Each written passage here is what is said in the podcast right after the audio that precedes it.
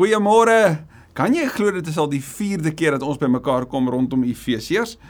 Deel 4 daarvan. As jy dalk vir die eerste keer by ons inskakel, welkom, welkom, welkom. So dankbaar dat jy ook hier kan inskakel en kan inloer. Onthou al die ander video's en al die notas is beskikbaar. Ek's regtig bly dat ons in hierdie tyd die voorreg kan hê om net opnuut weer as gemeente en gemeenskap te kan stil staan by die diep waarde van die boodskap van die evangelie en implikasies daarvan. Dat ons regtig wêreldwyd op dieselfde manier en op dieselfde basis kan kan verbind wees met mekaar en uh saam kan bydra tot die tot die evangelie en die uitbou van die koninkryk en om nuwe skatte te ontdek bly die grootste voorreg vir elke gelowige om God se woord en God se hart te hoor En en wanneer ons vandag by Efesiërs 2 se tweede deel by stil staan, staan ons natuurlik op die op die rig van wat ons tot nou toe gedoen het en ek neem jou net vinnig terug na verlede week. As jy verlede week kan onthou, Paulus het met daai probleemstelling begin. Deur te sê julle was dood. Julle het gesondig. Julle sonde het julle ver van God afgeneem. Dit het, het gemaak dat dat julle verlore was. Dat ons verlore was en dan in vers 4, maar God En dan pak hy die wonderlike reddingsdaad van Christus uit, die die groot genade daad en wat dit beteken het om letterlik van die dood na die lewe toe te kom om 'n nuwe lewe te te lewende wese te word om die krag wat Christus uit die dood uit opgewek het te beleef in jou lewe dat jy gered is en dan praat Paulus die hele tyd van 'n ons van 'n ons van 'n ons. Met ander woorde het dit met ons gebeur. Almal wat bely dat Jesus die Here is het van die dood af na die lewe toe oorgegaan. Het letterlik aan die lewe gekom. En en hierdie nuwe lewe word word saamgevat in daai groot woord van vers 10 dat God wat hierdie genade, hierdie geskenk gegee het, het van ons 'n poema gemaak en daai woord in die Grieks poema vertaal ons mos in die Engels met poem. Ons is letterlik God se skepingswerk, sy gedig aan hierdie wêreld. En hoekom het hy ons geskep? Wat is die doel daarvan? Hy sê om ons lewens te wy aan die goeie dade waarvoor hy ons bestem het. En terwyl ons ook besig is met 'n reeks oor Efesiërs met hierdie nuwe skepingswerk wat bedoel is vir nuwe dade, maak ons op die rig daarvan ook sê Here, maar Kom herskep ook vandag weer nuut in my. Kom ons bid saam. Dankie Here Jesus vir die voorreg wat wat ons het om om u woord te mag lees, daaroor te dink, die implikasies daarvan vir ons lewe en vir ons wêreld opnuut weer net net na te dink oor en te vra ook Here in 'n tyd soos hierdie, wat sê die gees van die Here vir die kerk? Vir die gelowiges, vir die geloofsfamilie? Wat sê u vandag ook vir my?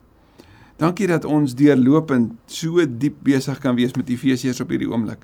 Of dit nou deur ons leesrooster is waarmee ons die Nuwe Testament lees, of dit nou met ons preekreeks is waar ons nie dink daaroor of dit nog dieper op hierdie vlak is waar ons vra Here op 'n op 'n stadige diep reis met Efesiërs. Wat sê u vir my? Daarom bid ons praat Here, kom aan die woord. U kinders luister. Amen. Amen.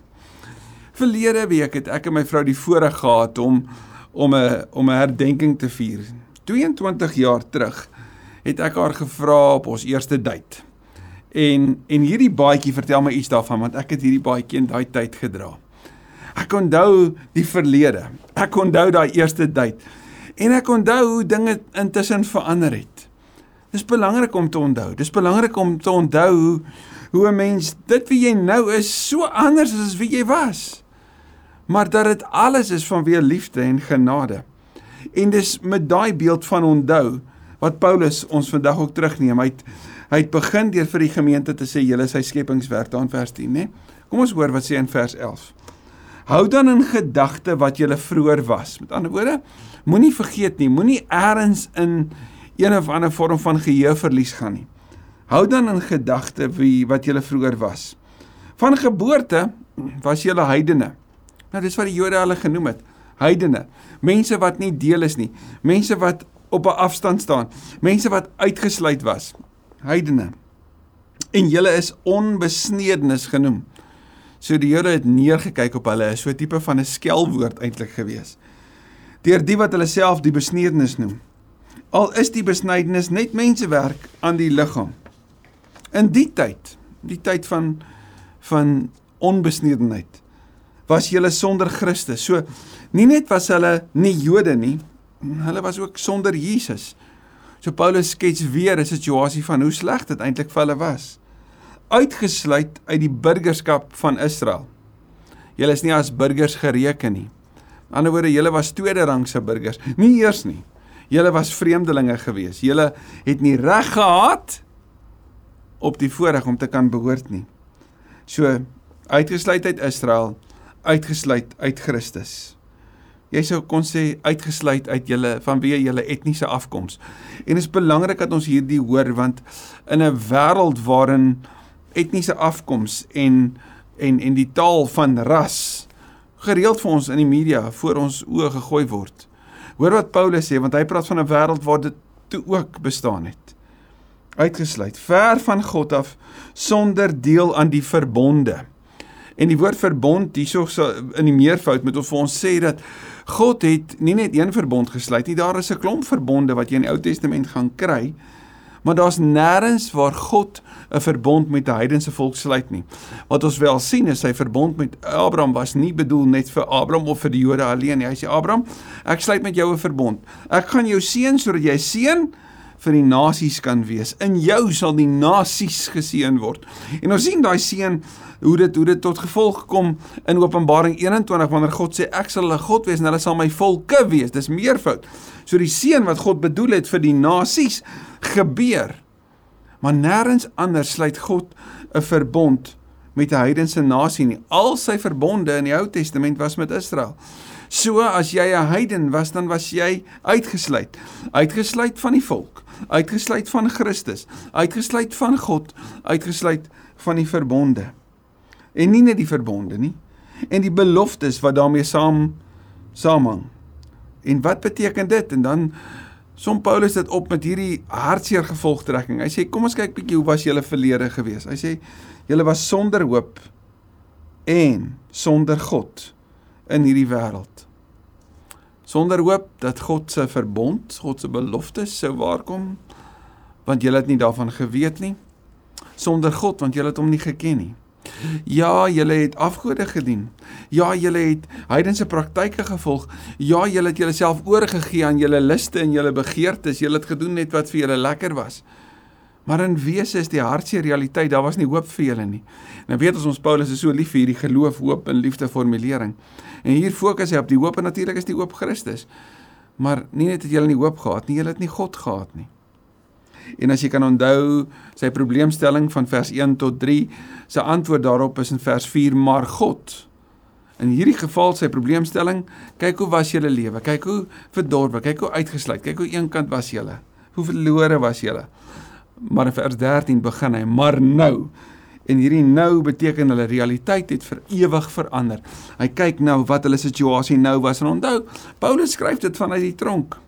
Hy skryf dit met die bedoeling om hulle te herinner wat hulle identiteit is, wie hulle nou is. Maar nou is julle een met Christus Jesus. Een met hom. So julle het nie net naby gekom nie, julle is so deel van hom dat julle een is en Paulus sal op 'n ander stadium dan hoofstuk 5 huwelikstaal gebruik om ons verhouding met Jesus te verduidelik. Julle is een met Christus Jesus. Julle wat vroeër ver van God gelewe het, het nou naby gekom deur die bloed van Christus. Die nabykom beteken jy is nou deel, jy is in die kudde, jy is nie meer ver nie. Maar dan gebruik hy 'n woord wat baie interessant is, die bloed. Nou weet ons die bloed verwys na die kruis. Maar die bloed is ook in die Ou Testament verbondstaal. Om 'n dier in die helfte te te sny en dan saam twee persone, twee partye tussendeur te stap, was hoe 'n verbond gesluit is. Dis hoe die karat gebeur het. En nou sê Paulus, die bloed van Christus is die verbond die die manier om naby te kom. Julle is nou deel. Christus vers 14 is ons vrede, 'n Joodse term wat nou inklusief gebruik word. Hierdie Shalom beteken die soewereiniteit waar God se heerskappy heers. Hierdie vredesterm het natuurlik eerstens oorlogsimplikasies. Twee nasies wat skietstilstand afroep sou kon sê ons leef nou in 'n tyd van vrede. Maar vrede is nie skietstilstand nie. Vrede is baie meer as dit. Vrede is 'n verhoudingsterm. Paulus kom sê ons verhouding met God is herstel. Christus is ons vrede. En en as ons verhouding met God herstel is, dan het dit 'n vertikale implikasie. Maar kyk wat doen hy nou. Hy sê Christus se versoeningsdaad het ook 'n horisontale implikasie en as ek en jy die vertikaal en die horisontaal langs mekaar sit, dan sien jy die kruis. En dis presies wat dit kom doen. En kyk mooi. Hy wat die twee Jode en nie Jode, jy sou kon sê gelowiges en heidene een gemaak het. sien hy het kom herskep. Hoe ontmoet die kruis mekaar daar in die middel? Daar waar vrede is. Die bloed beteken daar's vrede met God, vrede met mekaar. Een gemaak het deur sy liggaam te gee het hy die vyandskap afgebreek wat vroeër soos 'n muurskeiding gemaak het. Nou hierdie vyandskap in die Joodse term sou jy dit kon kon vergelyk met daai groot groot gordyn wat wat deurbeweeg het wat die heilige en die allerheiligste natuurlik geskei het. Gaan lees gerus meer daaroor in Hebreërs 6 wat sê dat ons het 'n uh, 'n hoop wat vas is wat aan die ander kant die die die die die die allerheiligste vir ons as 'n anker vir ons wag, nê? Nee? Gaan lees gerus Hebreërs 6 daarvan vers 19. So so dit wat skeiding gebring het tussen die heilige en die allerheiligste beteken ons kan nou direk in God se teenwoordigheid kom. Sonde wat 'n skeiding gebring het tussen ons en God, tussen die ongelowiges, tussen die heidene God, is weggeneem. Maar nie net die skeiding tussen ons en God nie, maar die skeiding tussen ons en mekaar. Skeiding van wie etniese afkoms, skeiding van wie geloofsverskille word in Christus nuut gemaak. Hy het dit afgebreek. En nou gaan jy mooi sien wat hy impliseer daarmee. Die wet van Moses met al sy gebooie en bepalinge het hy opgehef. En ek weet nie van jou nie, maar as ek hierdie lees, dan wil ek stop en sê, "Wo wo wo, waarvan praat jy nou, Paulus? Praat jy van die 10 gebooie?" Nee. Hy praat van die seremonieele wette. Al daai wette van offers bring, offers bring, offers bring wat vir die Jode gesê het, ons is in. Ons is, hulle taal, rein. Julle het nie offers gebring nie. Julle het nie so kultus nie. Julle het nie 'n tempel nie. Ons het. So ons kan weet ons is in, ons saak met God is reg. Julle sin is nie, want julle het nie wat ons het nie en as julle wil regkom, dan moet julle deel wees van ons. Julle moet deel in die besnydenis. Julle moet deel in al daai 600 plus wette wat vir al die seremonieele wette insluit. Julle moet soos ons lyk, like, ons tipe klere dra en ons tipe verhoudings leef. Dit veral dan ook die fokus op die offerwette is opgehef sê Paulus. En vir die Jode moet dit 'n skrikwekkende ding wees om te hoor. Want Paulus sê dit wat hulle identiteit was, naamlik dat hulle 'n offerkultus aan dit behoort het en dat dit hulle hulle letterlik hulle lewe gerig het, is verby. En skielik sê hy as dit opgehef is, nou is daar vrye toegang vir die Jode, ag vir die heidene, vir die nie-Jode. So hulle is nou in. Kan jy hoor hoe geweldige kopskuif het Paulus al gemaak en verwag hy van die Jode om te maak? En wat 'n nuwe wêreld breek oop vir die gemeenskap van Efese. Die wet van Moses met al sy gebooie en bepalinge het hy opgehef en deur weet en deur vrede te maak, as hy woord vrede weer, het hy in homself die twee Jode en nie-Jode tot een nuwe mensheid verenig beteken dit God skep 'n nuwe etniese afkoms, naamlik jy's 'n Christen, so dis hoe jy lyk? Nee. God skep 'n totale nuwe wese waarin man en vrou, Jood en Griek, skielik saam van wie hulle belydenis dat Jesus die Here is, 'n nuwe tipe mens word. Soos 2 Korintiërs 5 sê, 'n totale nuwe mens word. So dis 'n nuwe mens van binne herskep met 'n nuwe waardestelsel, 'n nuwe wêreldbeeld, 'n nuwe fokus, 'n nuwe verstaan, 'n nuwe manier van omgee en 'n rede vir lewe, 'n nuwe manier van kyk na hoop en na die sin van die lewe en van hoekom jy doen wat jy doen. 'n nuwe mensheid. En dis wat God aan die begin bedoel het, is dit nie? Dat hy saam met ons in verhouding sou wees, dat ons met mekaar en ons met hom in 'n verhouding sou wees, naby sou wandel. In Christus het dit moontlik gemaak. En dit is goed vir ons om opnuut weer na te dink oor ons kyk na ander. Wanneer Paulus vir ons sê onthou mooi, jy kan nie rugsteen en terugval op jou etniese afkoms nie, want God het dit heeltemal nuut gemaak. Daar's een nuwe mensheid in Christus. deur sy dood aan die kruis, daar's dit weer. Het hy 'n einde gemaak aan wat aan die vyandskap en die twee met God versoen. Versoen met mekaar en versoen met God en tot een liggaam verenig. So wat hoor die Grieke? Ons is nie meer net heidene nie. Ons is nie meer ver nie. Ons is nou naby. Ons is deel van een nuwe mensheid en nou hierdie nuwe woord. Ons is deel van een liggaam. Christus wat sy liggaam gegee het, sê vir ons wat nou een met hom word deur sy bloed. Julle is nou my liggaam op aarde. Julle verteenwoordig my. So julle eenheid, julle nabyheid, julle onderlinge verhouding wys vir die wêreld wie ek is. En onthou, ek het aan die kruis vir die wêreld gewys hoe ernstig ek oor die wêreld is, oor redding is, oor verzoening is. Julle moet dit nou beliggaam. Julle is versoen met God. Julle is deel van hierdie liggaam. Paulus skryf meer daaroor in 1 Korintiërs 12 en Romeine 12. Vers 17 Toe hy gekom het, het hy die goeie boodskap van vrede, al sy woord weer, die boodskap van vrede gebring. En wat is vrede? Hy beskryf dit. Vrede vir julle wat ver van God is, vrede ook vir die wat naby is, met ander woorde vrede vir almal. Hulle wat naby aan God was want hulle die Ou Testament gehad wat in hulle hart geleef het. Hulle wat ver was, is nou albei binne in hierdie plek van vrede, van Shalom, van herstelde verhouding, van herstelde wêreld ingebring as sy liggaam. Deur hom het ons almal, hoor mooi Paulus inklusiewe woorde, ons almal Jode en nie Jode deur die een gees, dis die beseeling, dis die waarborg dat God doen wat hy doen, dat die gees in ons woon, vrye toegang tot die Vader. Hier sien ons weer die drie eenheid aan die werk. Christus se bloed, die werking van die Gees, toegang tot die Vader. Ons almal het nou vrye toegang. So ongeag waar jou situasie is, of jy in die tronk sit in Rome en of jy vry stap in die strate van Efese, of jy 'n Jood van geboorte is en of jy 'n Griek van geboorte is of jy 'n Romein van geboorte is, jy het vrye toegang vanweë die inwonende Gees en die bloed van Christus. Julle is dus nie meer ver van God nie. Nie bywoners nie, maar medeburgers van die gelowiges en lede van die huisgesin van God. Hoor mooi wat sê Paulus vir hulle. Julle is deel van 'n nuwe mensheid. Julle is deel van die liggaam. Julle is deel van die volk van God. Julle is nie meer julle is nou medeburgers.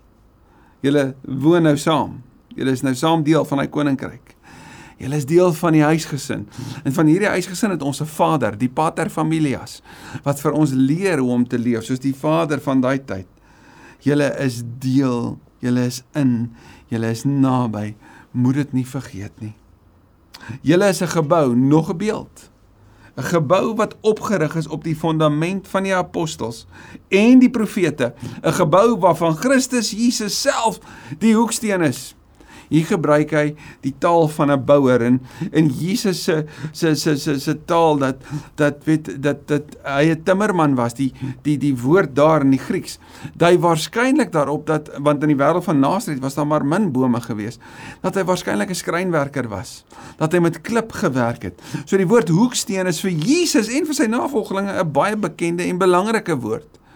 En nou kom sê Paulus vir hulle wat nou deel is van die huisgesin, nie net dit nie, hulle is 'n gebou wat opgerig is op die fondament van die apostels. Dis dis hulle wat Here Jesus gestuur is en aangestel is.